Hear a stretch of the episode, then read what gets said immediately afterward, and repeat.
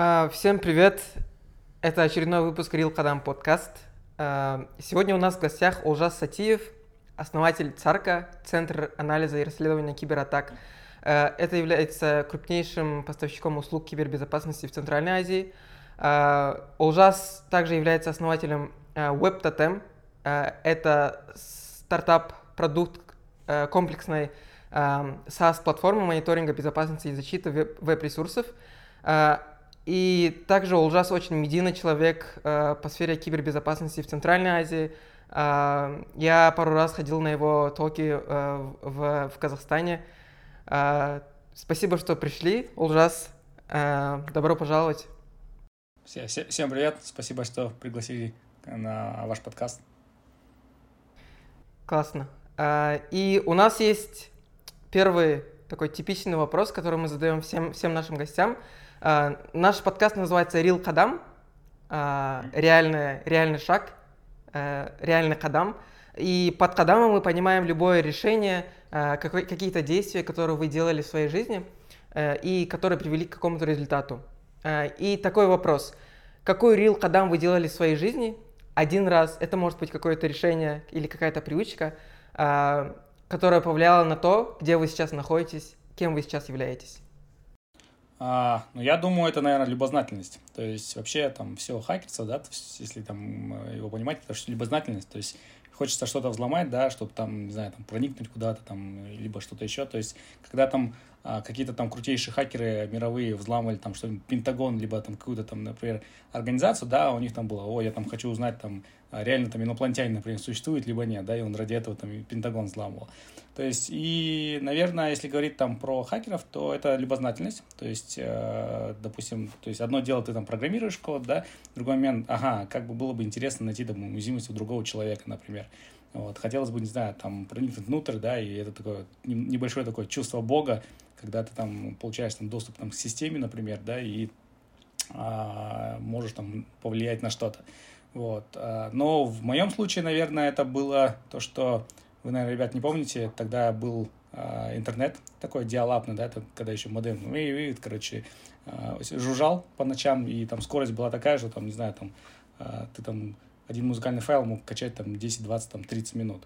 Вот. И он был довольно очень дорогой. Это какой год примерно был? А, ну вот я 89 -го года, то есть получается там компьютер вообще там с 4 лет появился. Ну, это, наверное, там 2000 год, скажем так, там 10-11 лет. То есть э, интернет такой э, очень дорогой. Вот, а тебе хочется там сидеть, а тебе хочется там посещать всякие там развлекательные сайты и так далее. Вот. И первое, что это было интересно, а как можно сидеть в интернете бесплатно.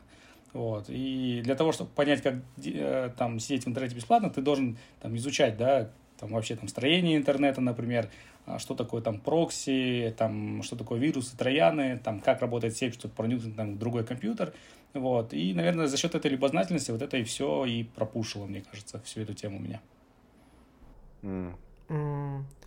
А вас, получается, вдохновляли такие истории, где там люди, какой-то человек взломал там Пентагон или какой-то, не знаю, ресурс?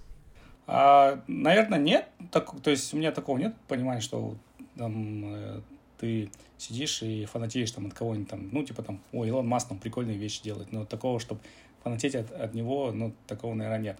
То есть, мне кажется, все равно таки у каждого там свой путь, то есть, и там почитаешь там книжку там, не знаю, одного известного чувака, у него там своя история, почитаешь другого чувака, у него там другая история. Вот. Вопрос в том, что, мне кажется, знаешь, вот, а, вот меня когда спрашивают, типа, что самое крутое вот в этом случае иметь, это вот, наверное, passion, страсть.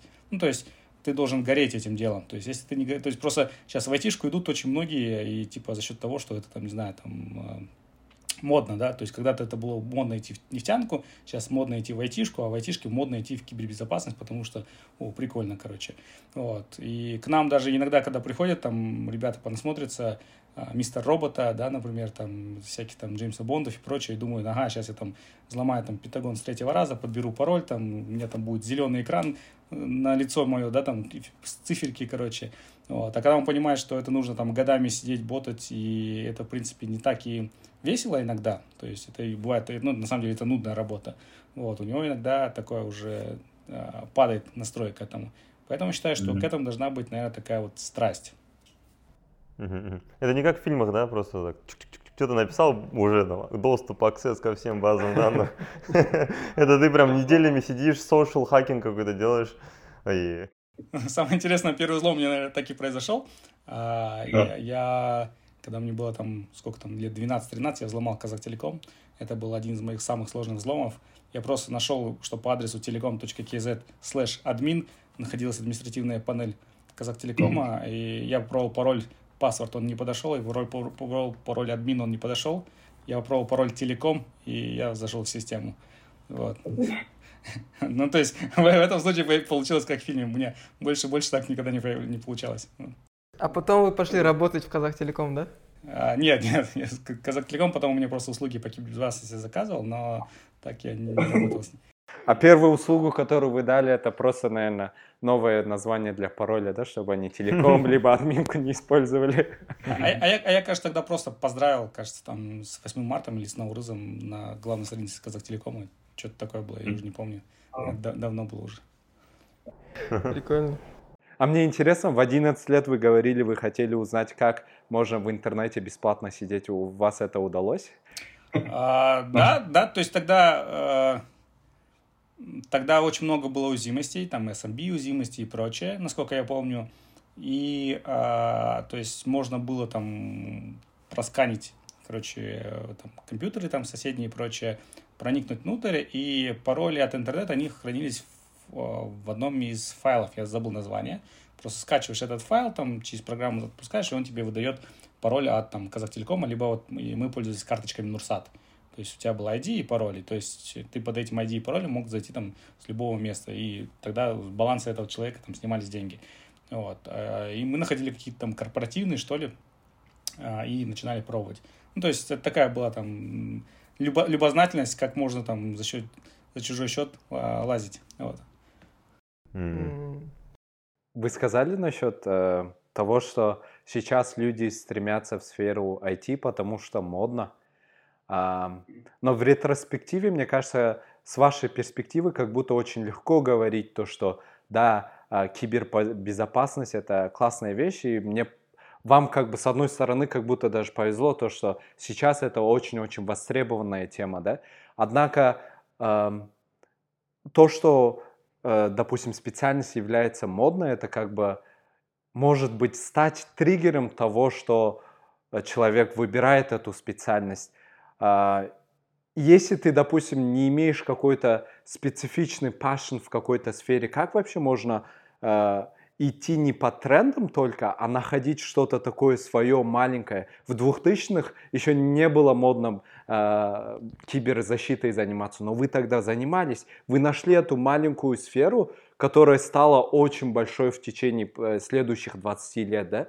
Вот сейчас, допустим, молодежи, которые только начинают свой путь, где очень много шума, интернет стал намного больше. Сейчас GPT, а, software engineering, все это очень-очень модно. А как можно так же, как и вы в 11, в 12 лет, либо даже в 18 лет найти какую-то маленькую, маленькую вещь, которая может иметь а, огромный э, потенциал в долгосрочной перспективе? А, ну, я думаю, в моем случае просто мы были голодными. То есть, mm. смотри, вот, допустим, там в 2000 году, да, а, допустим, там узнать информацию о том, как взламывать Wi-Fi, было очень тяжело. То есть были хакерские форумы, чтобы там попасть на хакерский форум, нужно было там, чтобы за тебя там какие-то там люди э, подписались, потом нужно было там писать, комментировать и так далее, там были уровни, то есть, ну, сейчас есть, но тогда были прям там уровни, и на каком-то уровне у тебя информация, там, статья, допустим, о том, как взломать Wi-Fi. Вот. Сейчас э, зайди, допустим, в YouTube, вбей там, как взломать Wi-Fi, тебе там тысячи индусов расскажут тебе на своем, да, инглише. Вот, то есть с этим проблем нет. И, знаешь, казалось тогда, вот в 20 лет, что ну, точнее, там, в 2000 году, что там а, вырастут там молодое поколение ребят, а, и которые там будут новые там уязвимости, там супер хакерами, короче, будут, и, короче, типа наше там поколение уже, а, типа, там уйдет в небытие. На самом деле не так почему-то, потому что сейчас, говорю, то есть, э, там, молодого поколения, у него там свободный доступ там к играм, да, то есть, в принципе, в то время там не особо такие игры были, куча информации в интернете, куча информации там знаний и прочее, и на самом деле, мне кажется, а, это немного расслабляет. То есть мы тогда были жадными до знаний. То есть, не знаю, там журнал «Хакер» приходит, мы там его зачитывались там всем городом, там обменивались. То есть э, был классный журнал «Хакер», и там прям про взлом был. То есть его там зачитывали там до дыр и прочее. Вот, и прям горели этим. То есть, мне кажется, сейчас проблема то есть, у молодежи, что а, мало как раз горячих людей. То есть э, они такие, они не, не, такие, голод, не такие голодные, наверное, как, как были мы. Mm-hmm. А этот голод можно как-то натренировать, или это что-то интринзинг, то есть что-то, что выходит из себя, или э, вы делали какие-то маленькие привычки, чтобы этот голод постоянно существовал? Или он, и, или такой вопрос, у вас существует этот голод на данный момент, или вы так же, как и все, стали э, обычным человеком, который не такой голодный? Ну, делает то, что уже он научился делать. А, ну, у меня сейчас голос в части, наверное, предпринимательства. Ну, чтобы вы понимали, ребят, я сейчас уже там давно не технарь. У меня даже там, ну, хотя там есть там у меня хакерский сертификат, я понимаю всех своих ребят, что они там делают. Ну, то есть там за 20 лет, в принципе, особо ничего сильно там не изменилось. Потому что методы примерно одинаковые, то есть я с ними на одном языке говорю, но я там сейчас, например, там, ну, вряд ли кого-то могу взломать. Вот. И у меня сейчас больше голод до создания там каких-то проектов. То есть до каких-то там побед. Вот вы там слышали, например, там, в 2017 году мы там российских хакеров выиграли. Во, это, короче, круто, это дальше там ждет. И, то есть мы там сделали классную историю в Казахстане, мы сделали классную историю там в Центральной Азии, и теперь мы там хотим там переть на мир. И то есть мы голодные вот до вот этих вещей. А, и на самом деле, то есть вот этот вот голод части там предпринимательства, он есть у ребят с СНГ. То есть когда, допустим, я там говорю там с немцами, предприниматели, они говорят, мы любим вкладывать деньги а, в, там, в ребят, которые там приезжают, потому что они там не такие расслабленные, там, как те же немцы, которые там живут там в удовольствии, да, вот, вы там хотите там завоевать рынок, вы хотите там больше денег, вы хотите, чтобы ваш там стартап взлетал, то есть, э, ну, то есть этот голод есть, просто тогда он был техническим голодом, скажем так, до знаний, а сейчас это голод, наверное, до побед в части там финансов, э, бизнеса, стартапа, проектов в этой, в этой части. Ну, интересный момент, кстати, ты говоришь, как можно голод э, э, возобновить, когда интернет блокирует, уже люди начинают, допустим, что-то уже голодные становятся обратно до интернета, и там начали же, вот, допустим, в прошлом году, там кто-то через VPN сервера, прокси сервера поднимать, ну, что-то такое новое, да? Научились, да? Да. Знаете, есть такой прикол, а, одна из самых сильнейших хакерских группировок, это Север Корея, севернокорейские хакерские э, хакеры казалось бы, Северная Корея, где нет интернета и прочее.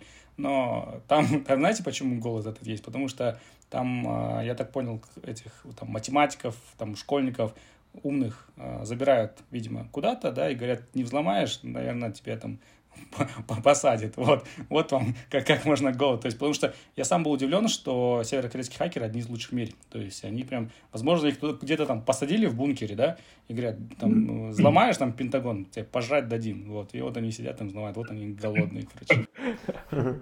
Ну, там э, external motivation факторы, да, то есть за человеком какие-то мотиваторы в Северной Корее, а что у вас было вот в детстве, в 10 лет, в 11 лет? Что ужасно тогда мотивировало? А, знаете, это, вот такое прикольное чувство на самом деле. Эм, это такая эйфория, когда ты что-то взламываешь.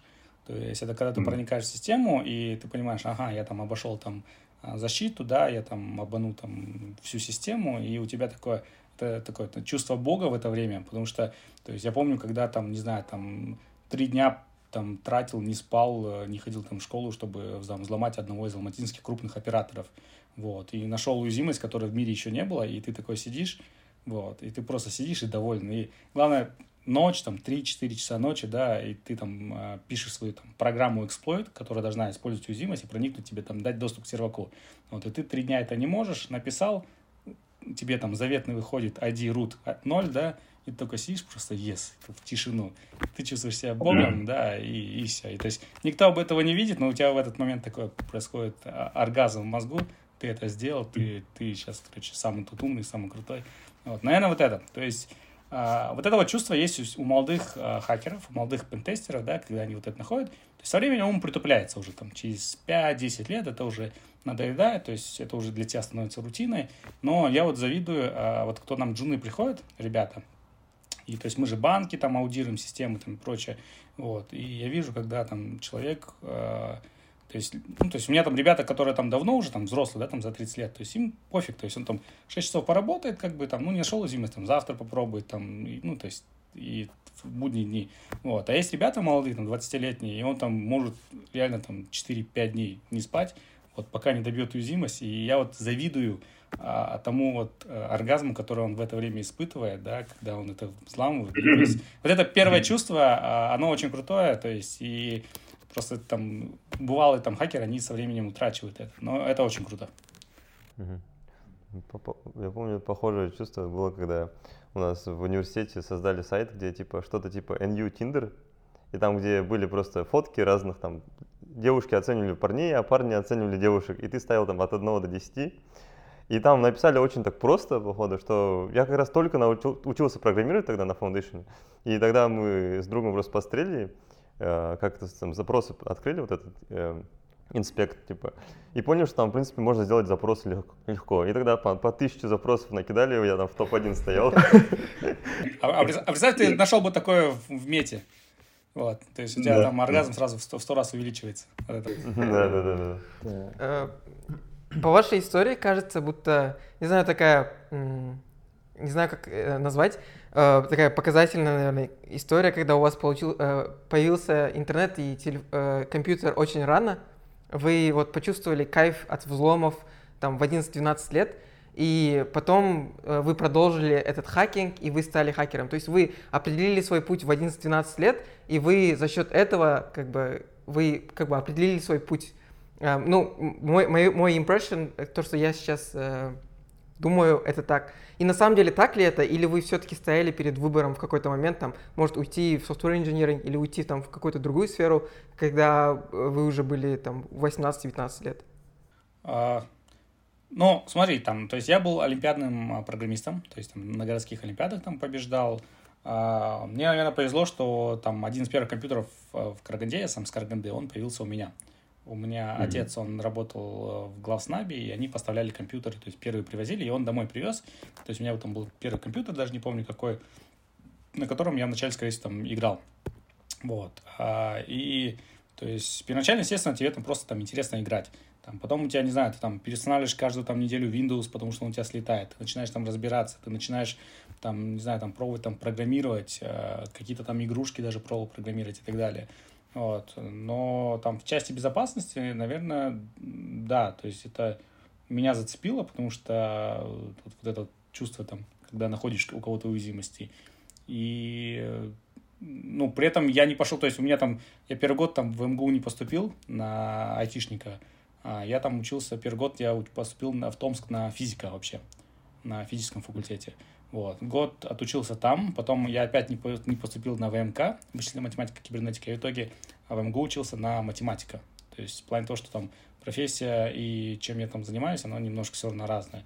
Вот. Но это все равно там это математика, там программирование, это все, все смежно.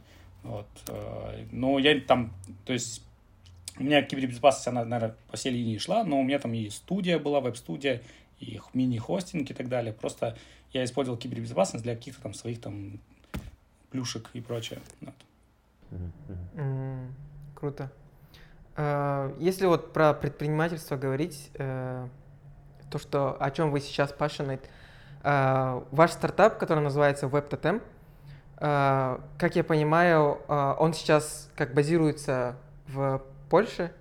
Получается, вы сначала э, были в Казахстане и потом заскейлились, можно сказать, в Польшу и привлекаете инвестиции, э, у вас много клиентов. Вот, и мне хотелось спросить, э, в целом, э, в какой момент вы решили скейлиться э, и какие сейчас вообще есть достижения у WebTotem э, по той информации, которую я читал, вы несколько раз питчили эту идею в разных странах, и, не знаю, может, если вы можете озвучить какие-то цифры по части инвестмента, по части инвесторов. Ага. А, ну, вообще у меня такая необычная история там стартапа. Я, я неправильный стартапер, у меня все красные флаги стартапера есть. Сейчас, сейчас объясню. То есть э, у нас там есть там царка, да, то есть мы еще там переобразуем там царка групп, то есть это группа компаний, то есть у нас там порядка 100 человек, и внутри у нас рождаются стартапы. То есть э, один из там стартапов, который мы родили, это WebTT. То есть мы сначала сделали его для Казахстана, то есть мы мониторили там весь казахстанский рынок, а, все 150 тысяч сайтов, весь Казахстан, сделали крутую штуку, которая может, ага, прикольно, мониторить на киберугрозы целую страну. Вот. И потом такой был синдром самозван, самозванца, ну, типа, там, за рубежом, наверное, там, люди там умнее, там, круче и прочее. А, когда мы победили вот российских хакеров, мы поняли, ну, что, блин, оказывается, в принципе, там, мозги одни и те же, просто возможности в Казахстане меньше. А, попробовали в акселерационную программу в Эстонии сначала, по, там, при поддержке Министерства обороны Эстонии было. Там они выбрали 10 проектов со всего а, мира, и мы единственные, кто прошел из Казахстана. То есть э, приехали туда, там тоже там синдром самозванца было, там с английским у меня очень плохо было, то есть у вас там новое поколение, вы там все там на английском хорошо разбираете, э, там э, понимаете, вот. А у меня в школе как было? У меня была вечная неприязнь с англичанкой, то есть а, она говорила, что твой компьютер никогда тебе не понадобится, я говорил, ваш английский мне никогда не будет нужен. Короче, в итоге мы оба оказались неправы. Вот. Хорошо, я взял там товарища, кто хороший английский был, и он мне там помогал. То есть, и когда мы приехали в Эстонию, она как бы одна из таких, можно сказать, там, кибердержав, да, у них там очень сильные там специалисты, а, мы начали видеть там другие стартапы и начали видеть, что, в принципе, оказывается, там технологически там то же самое говно, что и у нас. Вот. Э, просто у них более красивая там обертка, они умеют это продавать, да, они это все умеют красиво делать. Вот. А выяснилось, да, что мы технологически сильнее. То есть, знаете, вот Показательно для меня что было? У меня а, в Аптотеме тогда работало там сколько там, 10-15 человек, и все технари. Вот. А, и, естественно, там зарплаты же в Казахстане там меньше. А, у чела там с Финляндии, а, у него всего лишь два человека работало, то есть у меня вот там уже проект был, у меня все написано было, то есть и тогда у меня не было продаж. Вот. А у него был только лендинг, короче, не было ни одного программиста, было там два продажника, они уже делали какие-то предпродажи, короче, а, а самого mm-hmm. софта не было. И вот, вот вся разница, короче, он уже сделал продажи, но у него а, ничего нет, mm-hmm. у меня, короче, все есть, а у меня нет продаж. Вот. Потом, после этого, там, начал выступать э, на всяких Э, там Emerge, э, там выступлениях, или вот на TechCrunch мы там, TechCrunch, э, это мировая, да, там мека этих стартаперов, она, то есть мы единственные, кто прошли и стали там TechCrunch Disrupt 2020, вот, там один из самых перспективных стартапов. И после этого такой вот, как ты как бы получаешь больше уверенности, мы там прошли акселерацию в MIT еще в Польше и начали там находить каких-то там клиентов начали видеть там другие проекты, другие стартапы э, и поняли, что, в принципе, там технологически мы точно такие же. Просто, допустим, там э, продать из Казахстана кибербезопасность очень, очень сложно. То есть у нас не так много клиентов еще. То есть это все политические, на самом деле, проблема. То есть за счет того, что мы там бывший СССР, вот, и когда ты приходишь там к ребятам из НАТО и НБ и ЦРУ, я там показывал им свой продукт, они говорят, блин, ты же там из другого силового блока, вот, и кибербезопасность такая чувствительная вещь, короче, там, мы не, не можем у тебя покупать. Вот. И вот это все тормозит, к сожалению. Mm. Mm-hmm. А, и а, начать базировать этот стартап в, в Европе было как раз по этой причине, да, как я понимаю? А, у меня в LinkedIn стоит, что я а, в Польше, да, хотя вы знаете, то есть я когда там с инвесторами созваниваюсь, либо там с клиентами, я там ставлю как будто там в Польше, то есть представляюсь там поляком, вот, ну потому что типа никто не знает, что... что... А? Я говорю, на, на всякий VPN еще включайте, вдруг они проверить могут. Ну, у меня, ну, у меня на самом деле у нас WebTTM а, один из э, европейских телеком-операторов, ну, то есть, типа, там, один из европейских казах-телекомов аналогов, а, хотел mm-hmm. купить, э, там, в WebTTM оплачивать там в год несколько миллионов долларов. Мы выиграли тендер, а, мы почти заключились, а, потом он выяснил, что, оказывается, мы там а, родом типа из Казахстана, и что у нас техническая команда из Казахстана, короче, ну, то есть это как, на английском это говорит originally from Kazakhstan, да, то есть они, короче, сделку тормознули, потому что есть а, риски, они не могут mm-hmm. там работать, там, чтобы там информация какая-то, логи, логи уходили туда. Они бэкграунд-чек сделали, да, какой-то? Проверили. Бэкграунд чек сделали какой-то, проверили, откуда вы. Да, у них СБ есть, то есть служба безопасности. То есть у меня так два договора сорвалось. Так один э, в Европе, и вот второй там, я по страну не могу говорить, и второй вот в Германии, то есть они хотели там купить наше решение. То есть, чтобы продавать э, там стартап, э, нужно быть в той стране, нужно быть, выглядеть там локалом, э, там, не знаю, там, двигаться там, и, ну, то есть, к сожалению, это проблематично. Проблематично, что когда у тебя еще там русский акцент, я там платил э, актрисе с Нью-Йорка 200 тысяч тенге в месяц, чтобы она мне учила улыбаться по-американски и вот эти смолтолки гребаные, которые я ненавижу говорить, и, короче, чтобы избавлять от акцента. Вот. То есть именно в специфике кибербезопасности, да, очень важно быть локальным или с бэкграундом, когда Да, это, это вопрос доверия, да. То есть, как бы, типа, э, будешь ли ты доверять, не знаю, там, защиту своего там телеком, да, там, крупного стране, э, каким-то mm. ребятам с Казахстана, ну, такое себе, согласен. Вот. Mm-hmm. А вы уже тогда гивапнулись, то есть вы уже а, не думаете о расширении в международный маркет, именно в Western market, или как вы сейчас вот этот блокер хотите убрать, или уже убираете ли вы этот блокер как-то? Uh, не, у нас есть клиенты, то есть мы не, нам тяжело заполучить крупных клиентов. У нас есть uh, порядка 8 тысяч сайтов по всему миру, которые используют наше решение. То есть это Европа, то есть малый бизнес, то есть Европа, США и так далее.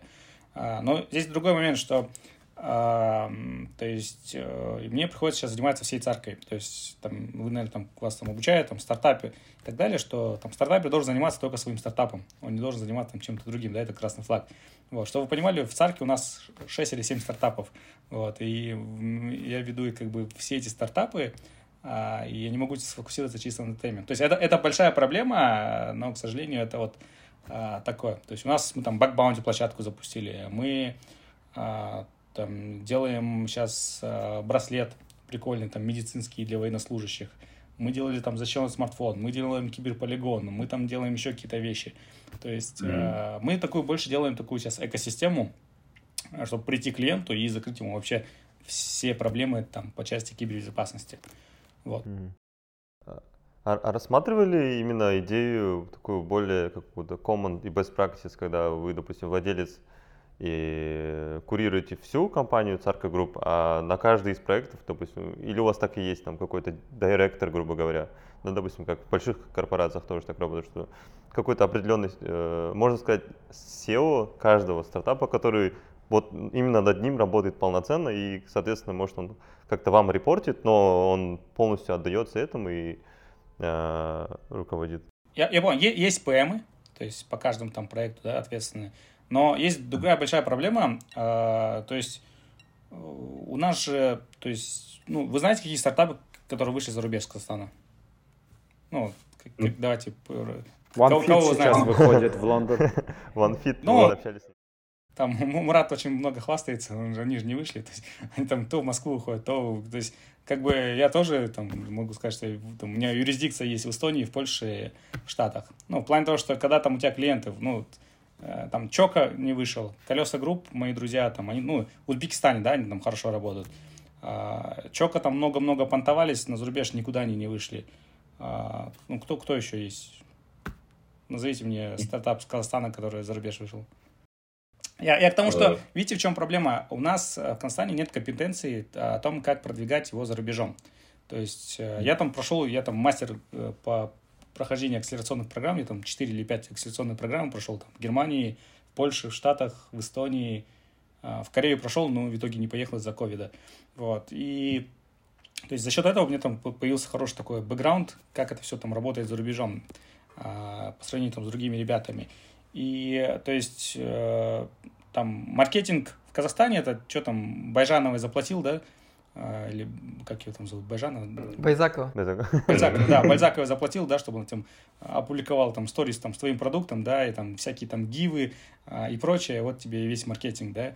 А, маркетинг за рубежом это там через контент, это тебе там через LinkedIn, это через холодные там письма, но это немного по-другому. То есть я даже у себя там, наверное, 3-4 маркетолога там уволил, сменил, потому что у нас нет опыта. То есть вот, допустим, украинцы, они всегда занимались тем, что а, Украина была бэкграундом части а, маркетинга, то есть там спам тот же, да, там email письма и так далее. И оттуда появились там стартапы, и они смогли найти там людей, которые с этим опытом имеют.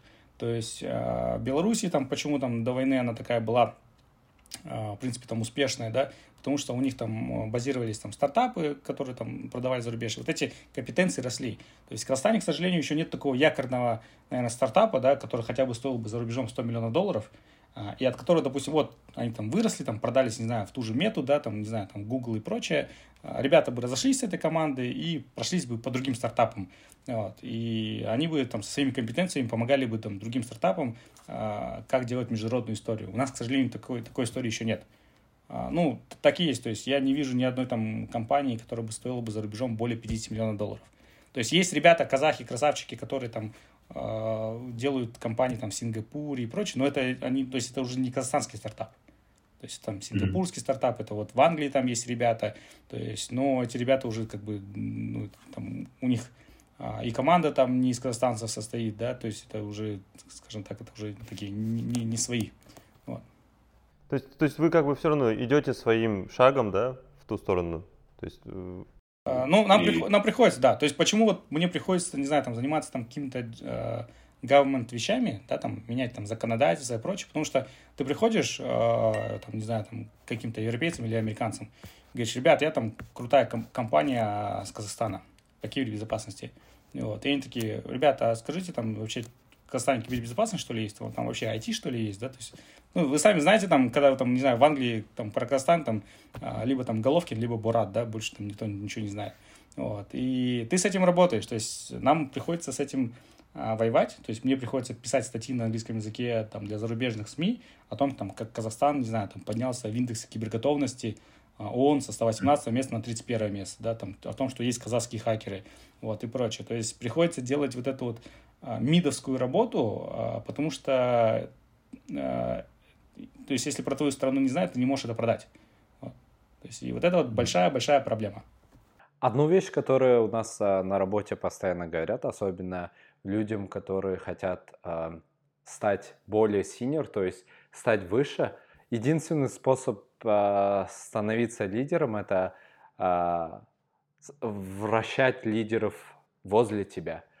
А, то есть, чтобы они делали в основном другую очень сложную работу, где ты мог, можешь быть вначале намного лучше, допустим, в сфере э, государственной работы, да, а, либо в сфере маркетинга, в сфере, э, не знаю, там у вас 6 стартапов сейчас в Старке, да, в одном стартапе он чисто будет главным и делать только этот стартап, да, как уже Садам это говорил. Насколько вы считаете себя хорошим лидером, который именно враща... Э, делает так, чтобы люди рядом с ним росли и становились даже лучше вас в сфере, чтобы вы были легко заменяемым а, в какой-то сфере? А, ну, вообще я, я самый худший операционист, наверное, из всех. А, то есть я, я что умею, это я умею нанимать классных ребят а, и умею, наверное, делать какую-то историю. Ну, то есть упаковку, вот это вот там царка, там красивую такое, что такое, что там, типа, там, практически там все студенты IT а, вузов в Казахстане хотят там попасть нам на стажировку, даже, даже за деньги, да, там вице-министры мне звонят и прочее. То есть вот это то, что я умею делать. А, ну и плюс там хантить людей. А, но здесь другая проблема же, что вот смотрите, вы работаете в мете. То есть почему вы работаете в мете? Да? Потому что в Казахстане, то есть вы упираетесь в потолок. Там первый потолок это денежный, да, то есть там в части там зарплат. А второе, вы упираетесь в том, что одно делать, там, не знаю, там, Каспий банк, там, Егов и прочее, ты там на 20 миллионов человек делаешь. Другой момент, ты работаешь там в мете и делаешь там на ярд а, там, людей, там, проект. Ну, то есть программисты же хотят делать что-то масштабное. Вот. И вот с, этим, с этой проблемой, то есть, и сталкиваюсь я как предприниматель. То есть у меня ребята а, уходят спокойно там в мету, там, а, в гугле и прочее. То есть, то есть от меня ребята мало кто уходит, не знаю, в банк да, не знаю, там, куда там, в ГАСУХу, там, либо в какую-то там студию, там, веб-студию и прочее. У меня ребята уходят в большие компании, там, типа EPAM, DataArt и так далее. Вот, э, из-за зарплат, там, из-за больших проектов. И это большая проблема Казахстана. То есть у нас э, нет проблем с джунами в Казахстане, у нас есть проблема с сеньорами и архитекторами. То есть и пока не будет прикольных там стартапов, прикольных проектов, где, вот, допустим, э, там, когда в Казахстане будет базироваться какая-то компания, будет делать на весь мир что-то, то есть вы так и будете уезжать э, там, в мету и так далее. Вот. И другой момент, на самом деле, то есть меня вот это напрягает, но, знаете, а, журналисты пишут, а, там, парень с Октобе работает в мета, и, типа, э, это, это такое, типа, круто. На самом деле, это, это такое, это такой какой-то э, синдром того, такой отсталой страны, мне кажется. На самом деле, типа, там, поступить в мету не так сложно. Вот. Ну, не знаю, ну, по мне, то есть у меня там каждый из моих там программистов а, пройдет спокойно собеседование мету, и, ну, то есть, это, это не в обиду вам, я вообще говорю, что это не такой же показатель, то есть, во всем мире, там, в мете работают, там, десятки тысяч программистов, там, со всего мира, там, а, с Индии, там, Пакистана, Европы, там, и прочее, вот, а у нас в Казахстане такую делают историю, там, а, школьника из Павлодара пригласили работать в Гугле и прочее, ну, то есть, ну, ничего такого нету в этом уже, мне кажется, вот, и пока мы от вот этих вещей не избавимся, например, ну, ну, да, ну, типа, у нас такие же люди, как бы глобализация есть, интернет везде один и тот же, язык программирования везде один и тот же, люди те же самые. Вот. Другой момент, что у нас в Казахстане меньше возможностей, меньше денег.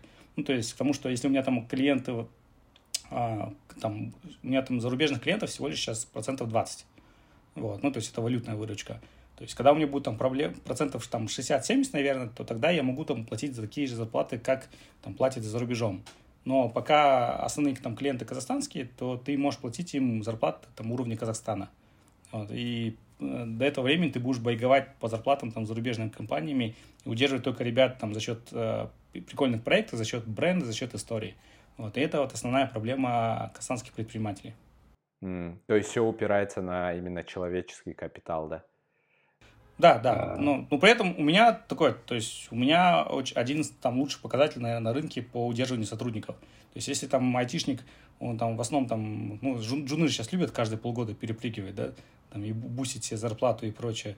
Вот, как недавно в Твиттере прикол уже шел, что UDP уже не нужен, может быть, видели, да, там есть там TCP и UDP протокол, и типа UDP уже не нужен. То есть это джуны, которые ничему не обучались, короче, считают, что UDP, оказывается, уже протокол умер.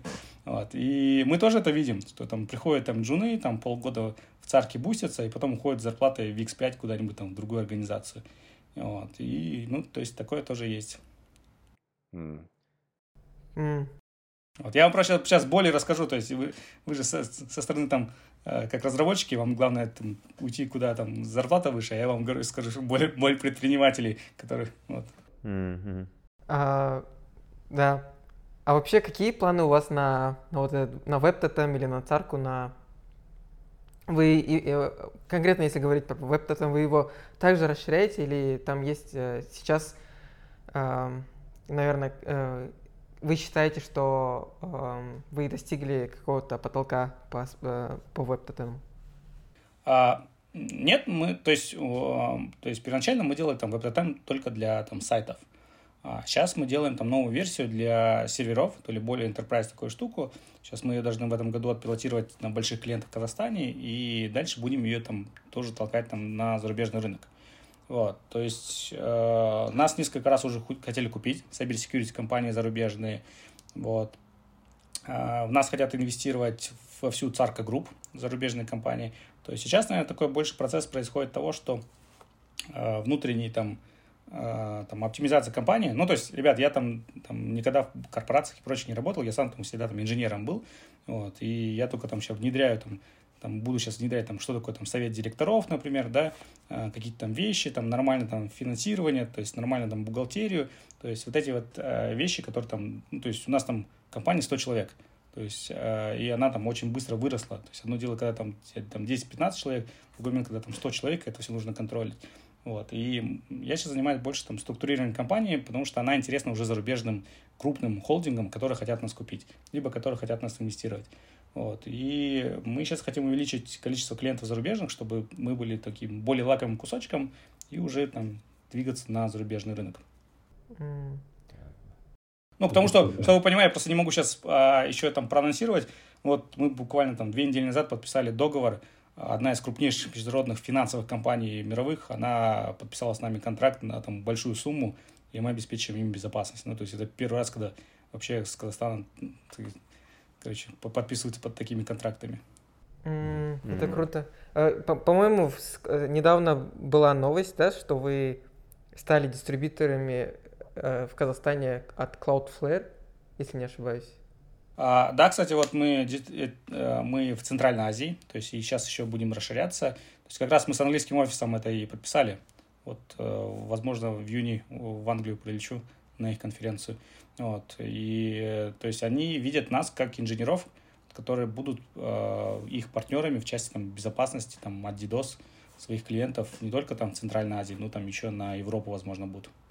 М, ну, Круто. Понятно. А, так как ваш продукт, а, он ориентирован на малый бизнес, а, и также вы сейчас расширяете на, больши- на больших клиентов, уже расширились на больших клиентов в Казахстане, а, каждый из нас тут планирует а, работать над а, изначально малым бизнесом, начать свой малый бизнес когда-то, начать стартап, потом также расширять его. Так как вы уже видели очень много стартапов, именно их уязвимости в сфере кибер а, безопасности, можете сказать, как вот маленький стартап может быть в плане киберзащиты очень хорошим изначально? Я не знаю, какие вещи можно сделать изначально, не тратя на это очень много времени, так как продуктовый, именно продуктовый стартап, он требует очень много времени для а, нахождения product market fit, да, то есть там больше другие проблемы. А если стартап будет думать про киберзащиту, то тогда изначально стартап может даже не существовать, правильно? А, но, наверное, есть какие-то маленькие вещи, которые каждый стартап может сделать изначально, чтобы а, быть киберзащитным. А, Короче, ты правильно говоришь, что малому бизнесу пофиг на безопасность. Вот, это, это всем. То есть стартапу до какого-то момента а, также пофиг. Это вот, допустим, вот как, а, помните историю там, а, когда началась пандемия и Zoom начал хайповать, у него начали находить кучу уязвимостей. То есть, потому что до этого нам, они там не думали про безопасность.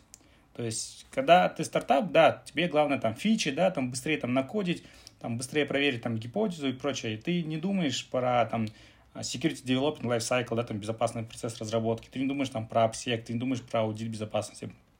И тебе это нафиг не нужно. То есть, если ты это будешь еще делать, ты там будешь это все годами разрабатывать. Вот. И здесь просто нужно какой-то момент понять, вот именно масштабируемости, что а, тот момент, когда ты уже будешь интересен а, хакерам. Потому что когда у тебя там один-два пользователя, ты нафиг никому не нужен. Вот. И, допустим, вот как классно Zoom сделали, они а, что сделали? Они сказали, ребят, мы на три месяца останавливаем все разработку фич. Мы понимаем, что кибербезопасность, она очень важна, мы с этим столкнулись, мы сейчас занимаемся три месяца, будем исправлять все эти уязвимости и так далее. Вот. И это очень круто было. То есть они признали, что у них есть проблемы, и они начали это все исправлять. А, если там говорить, ну, то есть еще стартапу, смотри, то есть там нанимать безопасника в самом начале, то есть это несколько тысяч долларов, да, там хороший безопасник, ну, то есть это а, его, во-первых, нужно найти, да, во-вторых, это тебе сразу там, лучше ты там девопсера возьмешь, либо там программиста на эти деньги, вот, поэтому я не думаю, что что-то в начале там стартапу поможет, а, кроме, не знаю, там, более-менее хорошего какого-то программиста, который вообще хоть немного понимает там, в кибербезопасности. Вот, но прям, ну, в плане того, что ты что-то можешь подсказать стартапу, но он все равно это не будет, не будет делать. Вот. И я, на самом деле, я не люблю работать со стартаперами, когда они ко мне приходят, потому что у них нет денег. Вот, то есть там приходит тебе стартап, да, и он говорит, блин, Царка, можете проверить меня на безопасность? Ты ему выставляешь чек, он говорит, блин, я же ты еще не финансовая структура. Я говорю, ну, сорян, у меня там ребята хорошую зарплату получают, мы тебе это проверить не сможем. Вот. А в основном стартапы к нам приходят на каком этапе, когда они получают хорошие инвестиции, там, не знаю, там, от миллиона долларов, да, например, а, и в этот момент а, с них требуют безопасность.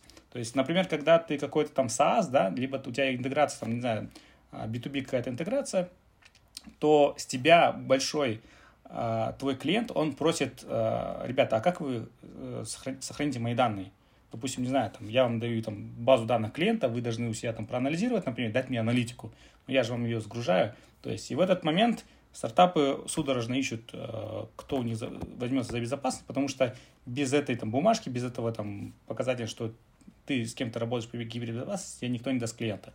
Вот. И вот в этот момент они приходят. То есть мы часто видим, допустим, кто выходит там на зарубежные рынки, а, они говорят, что там с нас требуют там аудит безопасности, с нас требуют бумажку, что мы прошли там а, пентест. Вот. И то есть в такой момент они уже подключаются. Но в самом начале, то есть до уровня, наверное, там, не знаю, мне кажется, там СИДа, наверное, никто не думает про безопасность. Понятно. А ам, вот э, мне история Stripe очень сильно в этом плане нравится. А, в плане того, что до этого Payment всегда был очень большим блокером для многих стартапов. Каждый стартап ну, был PayPal, конечно, но там, конечно, интеграция, особенно для маленьких стартапов, была очень-очень сложной. Но Stripe пришел и сделал э, payment платформу для всех людей, для всех стартапов, неважно от уровня, правильно? Они также были в YC, и другим YC стартапам дали свои услуги, именно свои API для пеймента. Есть ли такие услуги по киберзащите, где а, также может быть с API-ками, либо с какими-то минимальными услугами со стороны киберкомпаний, а, они делают все для стартапа from day one. Допустим, Stripe решил проблему payment процессинга – для маленьких стартапов. И после этого он очень экспоненциально начал расти. Есть ли такие же услуги в сфере киберзащиты? И хотите ли вы стать, как WebTotem, а, такой услугой для любого стартапа. Вы сказали, вы сейчас не рассматриваете маленькие стартапы, как, как, так как у них денег нету. Но может быть это и есть потенциал, который вы именно возьмете эти маленькие стартапы изначально – но даете какие-то минимальные услуги за минимальную цену? А, я тоже так думал. А, то есть у нас там в WebTotem там для обычных сайтов 30 долларов в месяц. Вроде бы, казалось бы, копейки, да? То есть, ну, в Казахстане у нас там нет клиентов, потому что 30 долларов там в Казахстане это, это дорого. 30 долларов там а, в Англии это там, не знаю, там как позавтракать, да? Вот. И мы тоже думали, ага, там у нас там у меня даже там есть выступления, да, там в мире там полтора миллиарда веб-сайтов, и только там, не знаю, там 3% из них используют там средства безопасности для своих сайтов.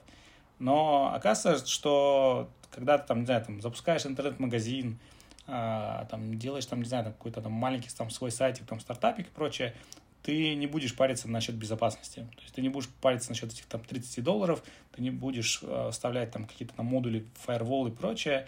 Ник- никто об этом все равно не задумается.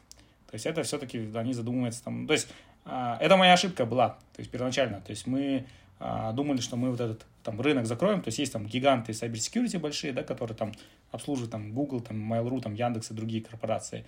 Вот. А есть вот такой большой сегмент там малого бизнеса, который можно покрыть. А, оказывается, не так. То есть это проблематично. И, то есть мы, мы начали смотреть просто наших там конкурентов, которые тоже в этой нише запускались, и видим, что ну, никто а, не стреляет. То есть э, кибербезопасность, она же еще такая штука, она эфемерная.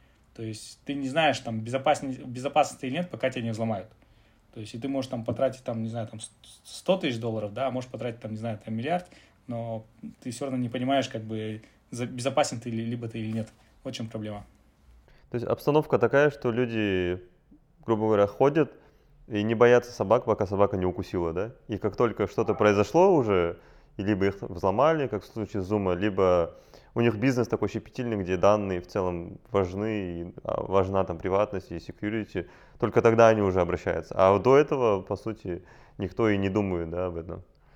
А, да, то есть это даже вот там, у меня, там, когда я там выступаю, говорю, там, типа, люди не думают, там, until something shit happens, да, типа, пока не случится какое-то говно. То есть и к нам там в тотем приходили, да, то есть пока там какой-то сам сайт не взломали, там, повесили там какую-то там картинку, да, либо там вообще его удалили, то есть он не думает о безопасности. Вот, и вот, к сожалению, такая там проблема в этом есть. Угу. А вообще вот вы сказали, что вот маленьким стартапам или вот интернет-магазинам э, не, не важны э, вот эти... Не важна безопасность, кибербезопасность, но мы же все равно пользуемся этим, этими продуктами. Э, и э, мы их, мы их используем, и наши данные, скорее всего, очень много данных наших утекают через вот такие маленькие какие-то сервисы, там, не знаю, заказ какой-то доставки, заказ чего-то. Э, вот, и вообще кто должен регулировать это, и как мы можем не знаю, как-то заставлять, э, не знаю, как-то э, направлять их к тому, чтобы все-таки вот эта безопасность, она была, типа. А, ну, это есть мировые регуляторы, то есть есть международные сертификации и прочее. То есть, например, если ты SaaS, предоставляющий сервис какому-то enterprise, то у тебя потребует э, сертификат SOC 2 называется. То есть, э, и там, по этому сертификату SOC2 они у тебя там проверяют, есть ли у тебя там документы, да, там регулирующие, допустим, там, не знаю, там, ту же cookies, да, GDPR и прочее. А если у тебя документы там а, показывающие, что у тебя там есть фаерволы, То есть это все в основном регулируется там, там больше там, рынком, государством. То есть там финансовый сектор, если ты запускаешь там какой-то банк, у тебя должен быть PCI DSS, а, что у тебя там данные карточек хранятся бесплатно, ой, э, это безопасно. Вот. И то есть в основном пушит это, наверное, там регуляторы, это пушат а, государство, это пушит, э, то есть э, в той же мете, например, скорее всего, то есть если, например, кто-то там делает интеграцию э, там, с метой, да, там, не знаю, там, они там с какой-то компанией, то, скорее всего, мета просит у него э, тоже какую-то пройти там сертификацию. Ну, ну, ну, да, кстати, так, так и есть, да, у меня там ребята, кто интегрировался, то есть э, только за, только за счет этого. То есть ты не можешь работать там с Фейсбуком, а, пока ты не прошел там, чек, чекап по безопасности. Mm. Mm-hmm. Um... Хотелось еще э, одну тему э, в целом покрыть и затронуть. Это сделать какой-то кейс-стадии, то есть э, разобрать какой-то случай, возможно, крупно популярный, э, как случай, допустим, с Zoom, или я тоже читал про э, LastPass, возможно, слышали, когда Password Manager, э, который, в принципе, слишком очень популярный и всемирно известный, и, по сути, должен быть максимально защищенный, а, случилась такая ситуация, что у них даже за один год два leak а да, случилось паролей а, многочисленных.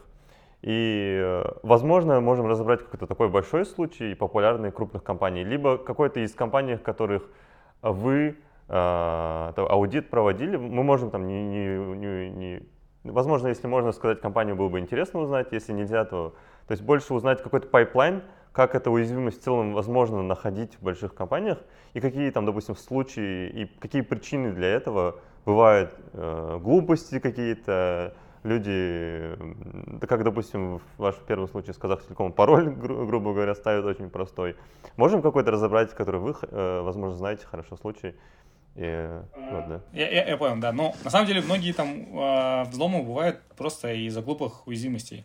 Э, не знаю, ты там э, запушил в гид, да, какой-то публичный, там, не закрыл его, и там у тебя, допустим, э, ключи оставил, да, APK, либо что-то еще. То есть таких случаев очень много. У меня вот товарищ недавно там 10 тысяч долларов получил за то, что нашел уязвимость, то, что просто был открытый гид, э, и он там нашел просто там эти secret key. Вот. А, бывает просто тупое, что там, не знаю, там какую-нибудь базу, типа там Mongo, там Postgres э, выставляют там наружу и не закрывают ее там паролем.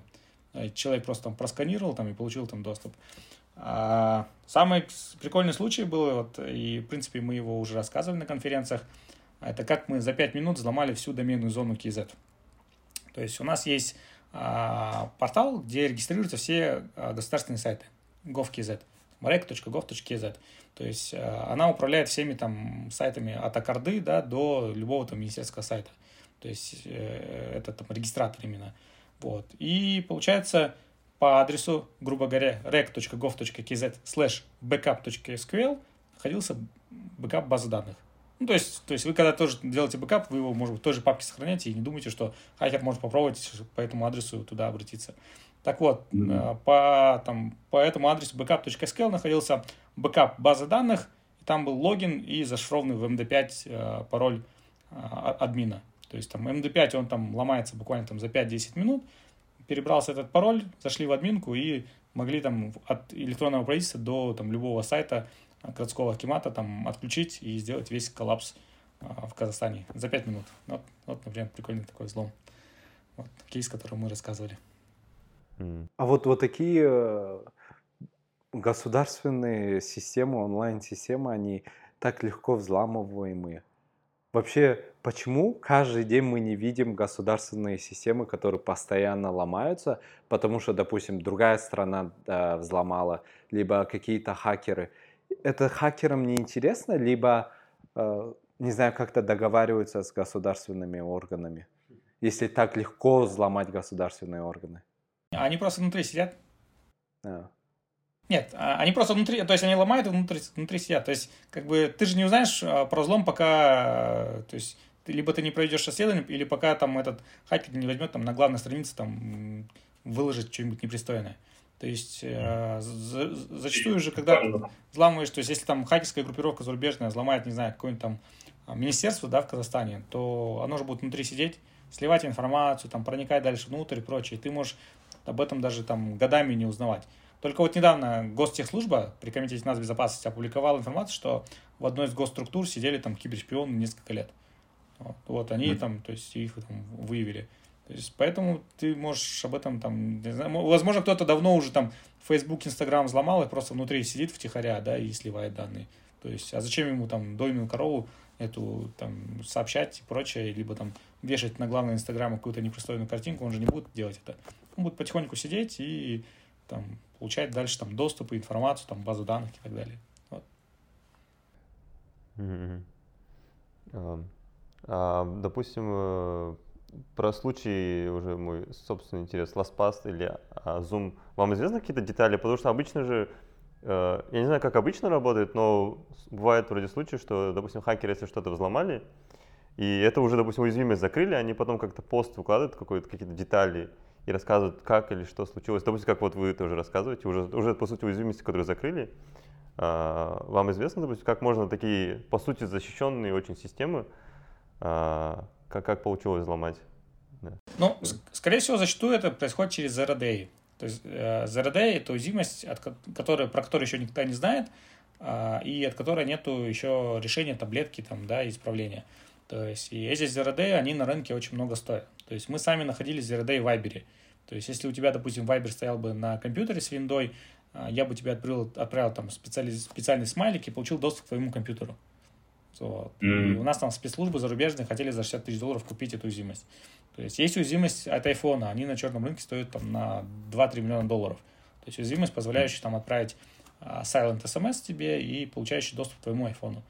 Вот. Ну и, короче, вот каждый день а, выходят всякие такие уязвимости. То есть, возможно, там тот же там LastPass, там, не знаю, там не пропатчил, там, не знаю, свой Nginx, например, да, там, а, или там, не знаю, там какую-то базу данных, все, то есть э, ребята воспользуются этой уязвимостью, проникли внутрь, там внутри, может быть, там другой еще ZRD используют для подня- поднятия своих там привилегий, вот, и дальше, дальше там проникли. То есть, ну, как бы там есть такое понимание, что незламываемых систем не бывает. То есть, либо нужно там больше денег, да, либо нужно больше времени. То есть, Пентагон взламывали, там, э, cybersecurity компании там взламывают, и даже у нас там находят уязвимости. Ну, то есть с этим надо смириться. То есть другой момент просто как ты у себя выстроил процессы, первое. Второе, mm-hmm. если тебя взломали, а, как у тебя выстроены процессы там после уже коллапса, да, что вот нужно там автоматическую смену паролей всем сделать, да, например, там отключить там какие-то серваки, там, а, и там обновить там сигнатуры фаервола антивируса. То есть компания, наверное, ценится вот больше вот этим. А так, мне кажется, там любую компанию можно взломать, и ты от этого никак не защитишься. Угу, угу. Да, по сути, интересно. И э, еще один вопрос интересный такой. А, можем тоже case study сделать, но теоретически. Допустим, а, у нас, допустим, вот выборы да, будут завтра. И ну, мы все знаем, что, возможно, э, что обычные выборы в целом, э, не только в нашей стране, в целом бывают ненадежные, да. И как в теории, понятно, что там есть определенный конфликт интересов, чтобы это там digitalize сделать и сделать какие-то какой-то какие-то выборы более защищенные. Но как в, в теории можно сделать э, этот процесс более надежным и застрахованным, так сказать, более э, честным? Э, я, я не знаю, как это можно защитить, я, я знаю, как, как это можно взломать. Вот. А, но смотрите, допустим, если у нас там будут выборы, а, первое это там, а, то есть, скорее всего, это будет через ЗЦП, правильно же?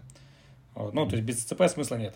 То есть без ЦЦП это все можно накрутить там и так далее. Вот. А, вот, кстати, вот когда проходил, допустим, там перепись населения, и она была там без ЦЦП, а, нам скинули сразу уязвимость, позволяющую за любого человека, гражданина Казахстана, а, написать свои данные переписи населения. Вот, кстати, вот еще один кейс. То есть, получается, была перепись населения, у тебя там был привязан твой ин к номеру телефона. Вот, ты должен зайти был по номеру телефона, и тебе там приходила смс четырехзначный код. А, если нету защиты, нету капчи, то этот четырехзначный код перебирается за пару минут. Ну, там, брутфорсом. А, и вот, человек нашел эту уязвимость, и он позволяющий пройти под любым пользователем а, в онлайн перепись населения и ввести свои данные. И то есть, если бы он это массово бы сделал, то он бы, то есть, мог бы поставить национальность, там, допустим, не казах, а джедай. да, и у нас там показало бы, что 70% населения Казахстана джедай, да, например, либо что-то еще. То есть, ну, так, так, то есть вот тебе, то есть это влияющее на государство, то есть а в зависимости от этого комитет статистики, он вырабатывает, сколько там денег нужно выделять, да, там, сколько нужно там, не знаю, детсадов открывать и прочее. То есть представьте, массово бы там людям бы там поменяли там вещи какие-то, там, то есть от количества детей до каких-то там других вещей. Вот.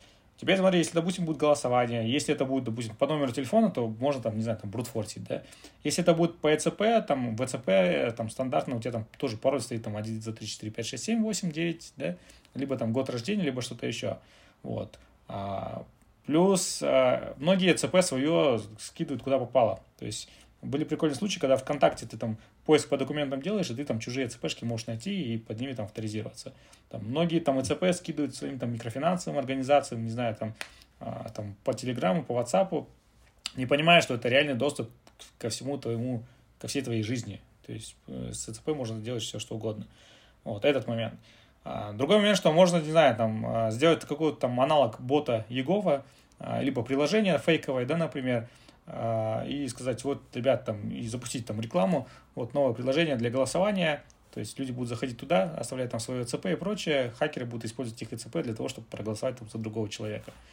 Вот. Это я не говорю там про тупой взлом э, самой там базы данных, где будет проходить голосование, э, а, и, там, либо использовать там социальную инженерию, там, взломать менеджеров, которые там комиссии, которые не айтишники совсем, да, то есть через их компьютер, чтобы получить доступ, опять же, к базе данных и вот эти там списки подменить.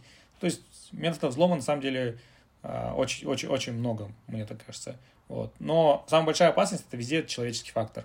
То есть э, везде всегда играет это человеческий фактор. То есть есть всегда правила, допустим, не знаю, там, не использовать Wi-Fi, да, там, допустим, в специальных учреждениях. Вот даже там у нас в Казахстане, там, в правоохранительных органах нельзя использовать Wi-Fi но все равно ты приходишь в эту организацию, и там бастык какой-нибудь, ну, ему же нужно там, не знаю, там, тиктоки смотреть. Вот, он у себя там Altel 4G поднимает, да, и, и использует и под подключение в интернет. Ты ломаешь этот Altel 4G, проникаешь в его компьютер, все, у тебя вся база данных там правоохранительных органов. Вот. И вот таких косяков очень много, они же не разбираются.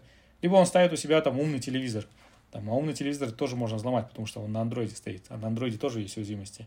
Вот. Либо он там притащит там свою флешку. Ну, то есть у нас был случай, когда мы одну из правоохранительных организаций как взломали. Нам не получилось ее никак там проникнуть внутрь извне, у них там все защищено было. А, ребята просто нашли а, одну из там секретарей одного из директора департамента, отправили ей большой букет цветов, внутри был а, конверт с флешкой.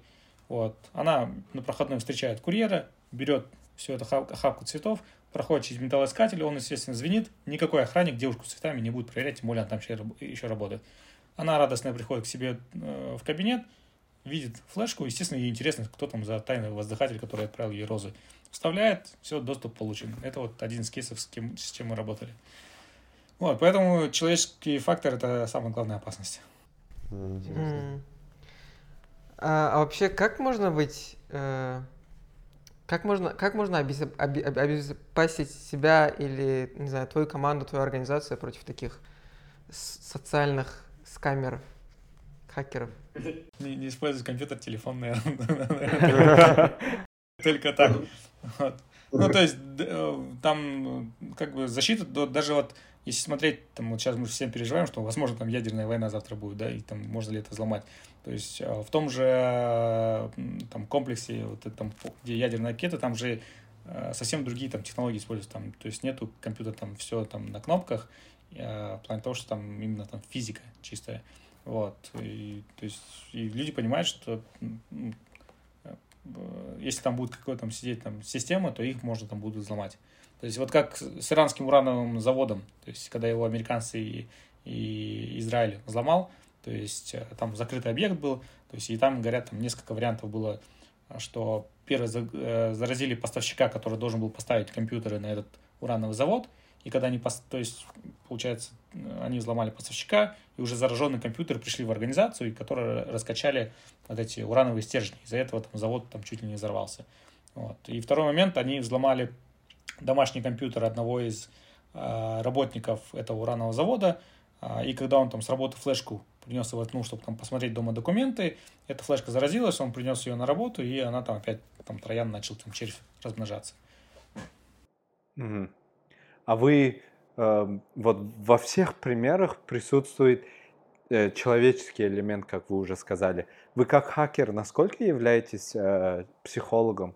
А насколько вы реально сидите и систематично изучаете психологию людей? Даже вот этот трюк с э, цветами и со флешкой – конечно, сейчас в ретроспективе смотришь, и это как бы понятно, но чтобы до, до этого додуматься, насколько вы изучали психологию людей, менталитет э, этой организации, может, наш свой казахстанский, казахский менталитет, да, э, насколько вы также инвестируетесь, э, инвестируете в этот аспект ваших коллег, насколько вы нанимаете именно психологов, либо людей, которые учат, как правильно коммуницировать, э, свои идеи, либо какие-то скамы? А, ну, на самом деле, то есть это не каждый хакер этим обладает. В плане того, что, то есть, там, э, это э, айтишка там делится, да, там программисты тоже делятся. Да, там внутри там есть там девопсер, там программист, фронтендер, там бэкендер и прочее. То есть э, кибербезопасность тоже люди делятся. То есть есть там пентестер, да, есть реверсер, кто там изучает там реверсер, да, там код. А, есть кто там пишет вирусы, а, есть OSINT еры, то есть OSINT еры, они занимаются там разведкой, да, то есть они должны собрать всю информацию по... То есть у нас там есть отдел OSINT а, то есть он занимается именно тем, что проводит разведку. То есть он не обязательно должен взламывать, но у нас там бывают асинтеры, что находит доступ. То есть вот прикольный случай. А, один из наших крутых коллег, он получил доступ к системе управления водоснабжения города Астаны. То есть всю систему водоснабжения города Астаны он мог контролировать. Что он сделал? Он просто начал изучать а, документы Акимата, да, там закупки и прочее, и нашел, что они там закупали эту систему. Нашел технический документ, техническую спецификацию, где был айпишник этот, и нашел, что какие могут стандартные пароли быть. То есть ему ничего не нужно было взломать, он просто изучал документы. То есть, э, понимаешь, это, это вот называется разведка. Вот. Есть социальная social engineering, э, то есть есть ребята, кто этим занимается, да, то есть изучают там жертву, изучают ее окружение, думает, какой e-mail бы ему, например, отправить, а, чтобы он его там открыл, скачал файл, да, и там, а, чтобы проникнуть внутрь. То есть, э, ну, то есть это, наверное, не у каждого есть, но, то есть вообще там хакеры, хакеры это люди творческие, и мошенники люди творческие, да, которые тебе звонят там и разводят тебя, допустим, на деньги. То есть это всегда вокруг находится человека, то есть если там до этого а, пробовали тебя там обмануть там на улице, да, там с наперстками, либо там с чем-то еще. Сейчас тебя пробуют обмануть просто в сети. Угу. Да. А допустим, если когда вы набираете, да, сотрудников в, в свою компанию, то есть на различные позиции, у вас есть еще специфичные, наверное, да, какие-то э, скиллы, которые вы проверяете во время интервью? То есть, допустим, если на асинте проверяете или тот, кто делает какую-то э, разведку, у него должно быть то есть какие-то такие скиллы соответственные чем, допустим, у которого э, тот, кто реверс-инжинирингом занимается, у него скорее более технические скиллы, да? Ну, наверное, больше все-таки технически проверяем скиллы. Вот. Ну и ребята просто там по общению, то есть на каких форумах бывает там сидит, да, то есть а, мы спрашиваем там, какие кейсы, допустим, там, ну, получилось ли у него где-то находить уязвимости, как он это нашел. Наверное, это так больше уже там по общению. Потому что бывает, то есть здесь самая большая проблема же нанять реально какого-то мошенника. То есть нам один там парень Шимкента отправлял резюме в Headhunter. И в Headhunter прям, то есть в резюме о себе написал, писал вирус Трояны, воровал деньги, занимался кардингом. То есть чувак свое фио реальное ставил, вот, и еще это, короче, написал в этом. Вот, естественно, мы его там послали куда подальше. Кстати, это интересно. Понятно. Но в то же время, если вы будете нанимать чисто по техническим а, навыкам, то тогда, наверное, сложно будет нанять хорошего социального инженера, да, social engineer. А. Ну, да, наверное, да. То есть есть ребята, которые специализируются чисто на социальной инженерии. То есть они умеют взламывать, да, но он а, как бы вот тонко такое работает, изучает тебя. То есть там социальная инженерия, на самом деле тоже технические вещи нужны иногда. Например, а, там для того, чтобы вначале ты должен узнать, там, например, если он там пользуется телефоном, да, ты должен знать, какой он телефон, там, iPhone или Android. Например, зачем? Чтобы после этого сформировать какое-то письмо фишинговое под iPhone, либо под Android, да, чтобы не ошибиться. То есть бывает так, что там сначала там собираешь, пушишь ему какие-то там а, левые там e-mail, просто собрать там информацию. Вот. И здесь все равно какие-то там технические навыки, наверное, нужно. Ну, есть, Понятно, да, да. да. Ну, вообще там а, исторически же, типа там хакерство это было больше там про social engineering, да, там если там посмотреть там про Кевина Митника, да, то есть там э, там не было никакого реверса, да, он просто там по телефону звонил, да, там представлялся каким-то сотрудником компании, вот. А, либо вот чел, который приезжал к нам на Казахстан в этом году, ну, в прошлом году, один из крутейших хакеров, Джейсон Стрит, мой хороший знакомый, а, он проникает в банки, то есть он притворяется э, банковским сотрудником, заходит внутрь, вставляет флешку, заражает банк и то есть он там хвастается тем, что там на всех континентах проник, проникал так в банки, ну, то есть у него заказывали аудит банка. Это чисто социальная инженерия. И он объясняет, что как бы на самом деле там технические навыки где-то не важны. Mm, понятно. Это круто. Мы начали тему насчет стартапов, а насчет вашего опыта как а, фаундера WebTotem, и очень много а, наше общение опирается на именно человеческий капитал. И мы э, до этого подкаста очень много смотрели ваш контент. Пять лет назад э, вы делали TED Talk насчет того, что Казахстан должен стать именно хабом кибер, да, хакеров. И также во время интервью год назад вы Форбсу также про это говорили, что ну, можно за 5 либо даже 10 лет такую же историю, как Израиль, сделать, где маленькая страна является статус-кво в сфере киберзащиты.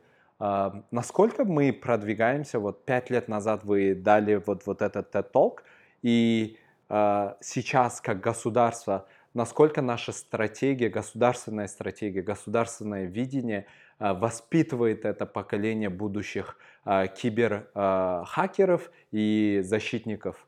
Так как одно высказывание мне, которое очень-очень сильно понравилось в вашем интервью, это а, в, э, в период интернета независимость не только в физическом, физической локации, но и виртуальной локации – становится все более важнее, даже может важнее э, физической э, независимости. В этом плане это высказывание реально открыло какое-то другое видение во мне. Я бы хотел узнать, как вообще, как Казахстан, как мы идем в, ну, в сохранении нашей digital независимости. А, сразу скажу, скептически, все, все, очень плохо. Вот. А, то есть а, независимое государство может быть, если оно технологически независимое.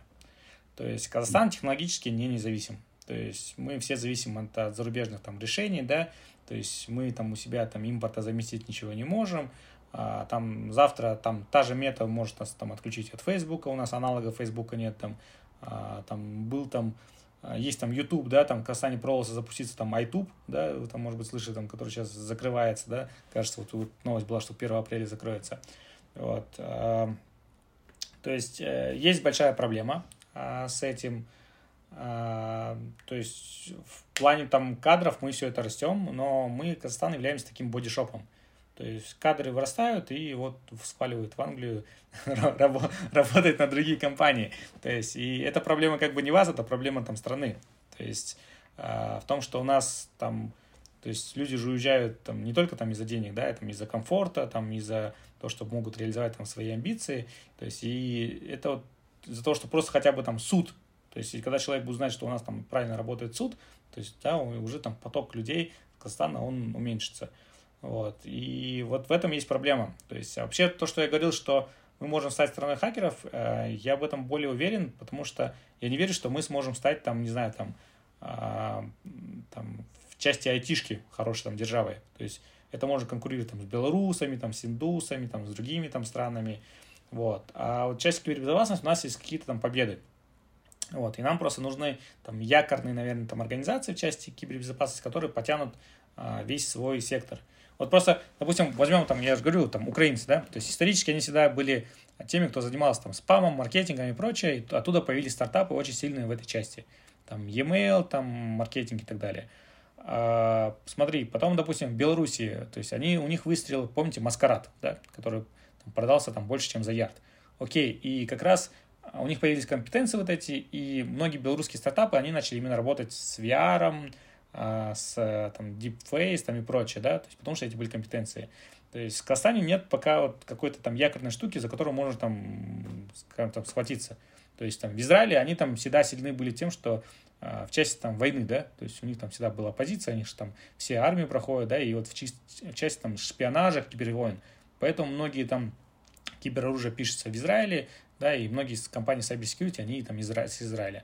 То есть, э, и, то есть, если у нас в Казахстане вот такой будет буст в части кибербезопасности, то я думаю, что мы можем вот такой вот там державой а, стать. Вот. Ну, сейчас у нас, вот говорю, у нас нет какой-то вот якорной компании, которая бы вышла, там, стала бы больше там, 100 миллионов долларов стоить, и оттуда бы уже ребята, бы, которые отпочковались бы, они там подняли бы э, компании в этой же там сфере.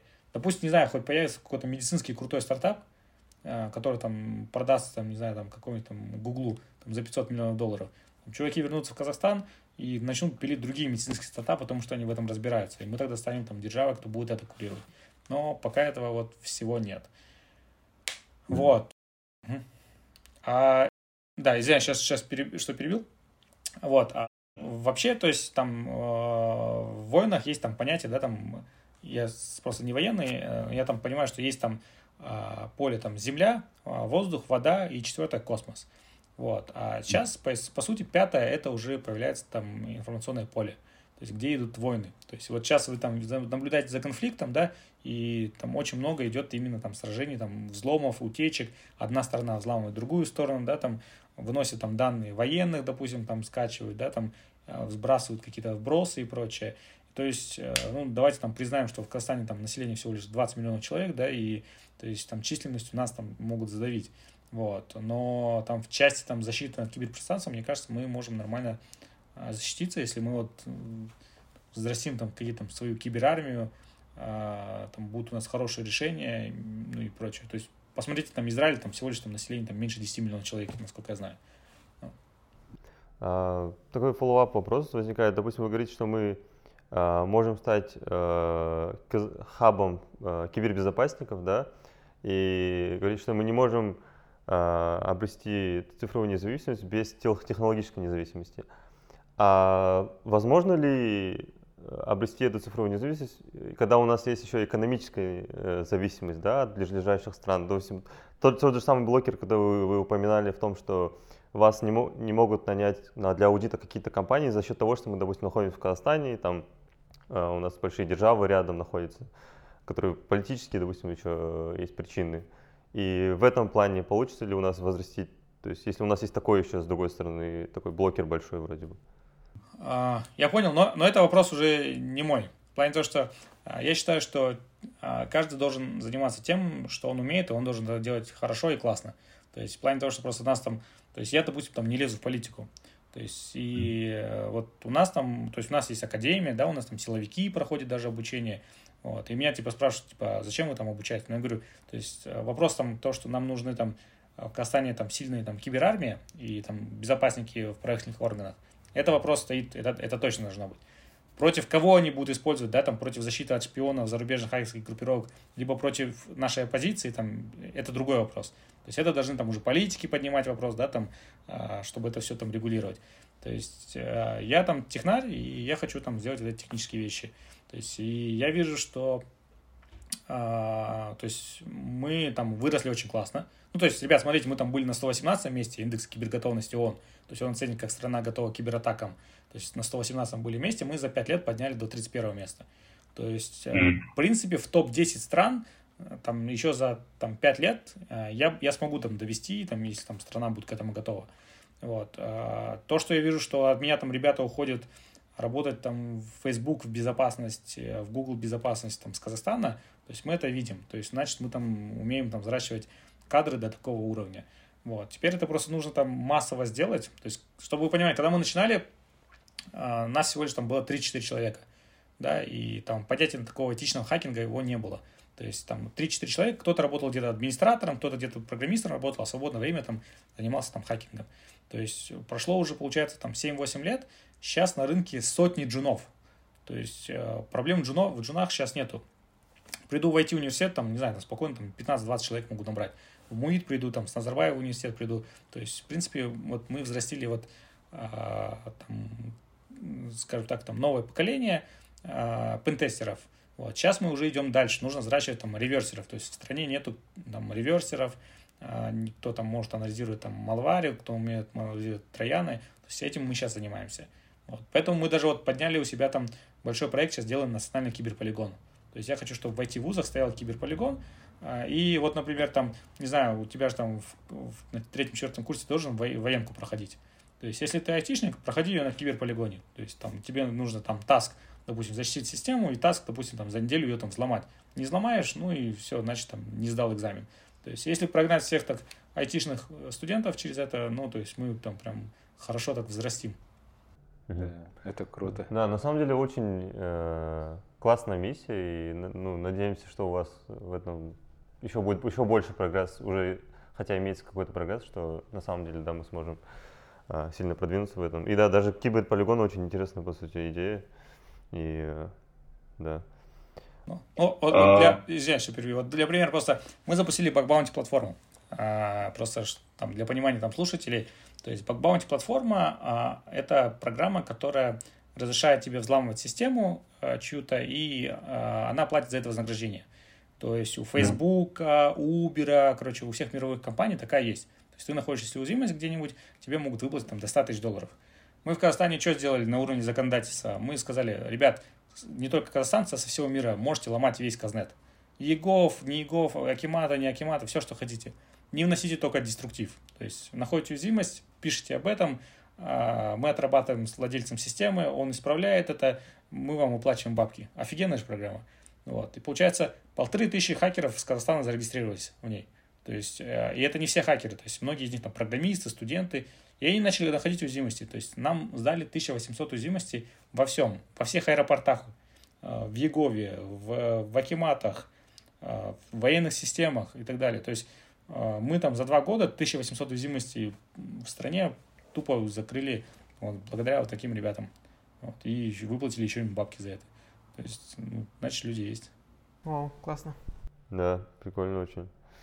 А, ну и а, еще одна тема прикольная очень. Хотелось бы узнать именно о, о том, а, то, есть у вас уже есть большой опыт как хакера, как в этой сфере в целом кибербезопасности. И вы, выявились ли у вас какие-то привычки, которые, там, допустим, в, э, в real life, в настоящей жизни вы на основе, допустим, вот вашего опыта, ну, грубо говоря, допустим, закрываете ли вы свою, допустим, камеру, да, на ноутбуке, или там, э, э, насколько вы доверяете людям, когда там, то есть какие-то social engineering вещи замечаете ли вы в жизни и предостерегаетесь, допустим, есть ли какие-то ситуации такие или, да, в целом привычки у вас? А, а понял, да. А, ну, там камера заклеена по, по умолчанию, вот. А я просто, просто я живу в той реальности, что считаю, что я уже там по умолчанию взломан. Вот и все. И особо тогда не паришься. То есть, то есть в плане того, что, знаешь, а, иногда там, а, вот когда у нас там сертификат тоже хотели внедрить же, э, там, национальный сертификат, и многие народ начал возмущаться, о, там будет за, за мной государство там следить и прочее.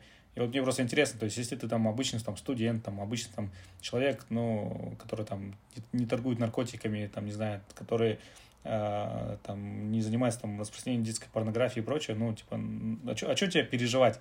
Вот, просто у нас иногда многие там переживают, что за ним следит правительство, а, ну, при том, что он там обычный там человек. То есть э, у нас есть там проблема, что там недоверие к нашим там правоохранительным органам. Просто, вот, допустим, просто интересно, вот Чичваркин, да, он же в Англии, а, то есть у него там спрашивают, типа, а тебе нормально, что там Ми-6 и прочее, они там прослушивают и смотрят э, там телефоны там англичан и так далее. Он говорит, ну да, то есть как бы я им доверяю, то есть они там борются там с террористами, то есть э, и то есть это окей. Когда-то я там встречался с, с ребятами, кто там э, в Америке, то есть типа там, что ФБР там всех там прослушивает, там взламывает, ну, говорит, ну да, они там борются там с преступниками. Вот. А у нас в Казахстане к этому там доверия, к сожалению, нету. То есть все государства слушают своих граждан. То есть это по умолчанию. То есть э, в любой стране, даже самой демократичной, э, везде это есть. Вот. Поэтому, то есть, если хочешь что-то сказать такое, о, о чем вообще никто не должен слушать, то вообще, то есть, рядом с техникой быть не должно быть. Вот. Поэтому проще, наверное, жить а, в том состоянии, что тебя уже взломали, что твой телефон прослушивается, что твои мессенджеры уже доступны всем э, силовым органам. То есть в этом состоянии ты просто понимаешь, что ты можешь говорить рядом с техникой, что то нет. Yeah. В этом плане это как будто даже э, общество, которое будет более этически правильно поступать, э, может воспитать, если человек осознанно, постоянно знает то, что есть кто-то, кто смотрит. Это, конечно, э, грустно, с одной стороны, то, что этот фактор может стать именно а, позитивным а, фактором изменения общества и сделать общество более а, моральным, да. Но в то же время, мне кажется, если реально эту, это видение, которое вы сказали, жить так, чтобы постоянно знать то, что за вами кто-то, скорее всего, следит, скорее всего, сделает людей более такими осознанными, может. Большой брат, да. Да, но, но, но это не говорит о том, что нужно там, э, не знаю, там ставить антивирус и прочее, потому что если ты там не будешь думать о своей безопасности, то тебя могут прослушивать там не государство, а, не знаю, там твой сосед, да, и посматривать твои голые фотки, то это уже другой момент, да, вот. Ну да. Да, классно. Э, мне кажется, очень крутой выпуск получился. Спасибо еще раз, что пришли. Очень много узнал сегодня про в целом безопасность и про ваши достижения, которые вы делаете в Казахстане, в Центральной Азии и по э, Царке.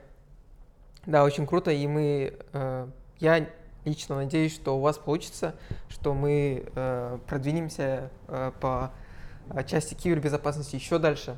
И я в целом очень следил за, за успехом Царки, за вашими успехами, потому что я тоже, как я уже сказал, учился по специальности информационной безопасности, и эта тема, она ну, ходила около меня. Вот. Uh, спасибо, что пришли uh, к нам и подписывайтесь к нам на канал, зрители. Ну, тоже вам понравится. Оставляйте комментарии и слушайте наш подкаст. Кен рахмет.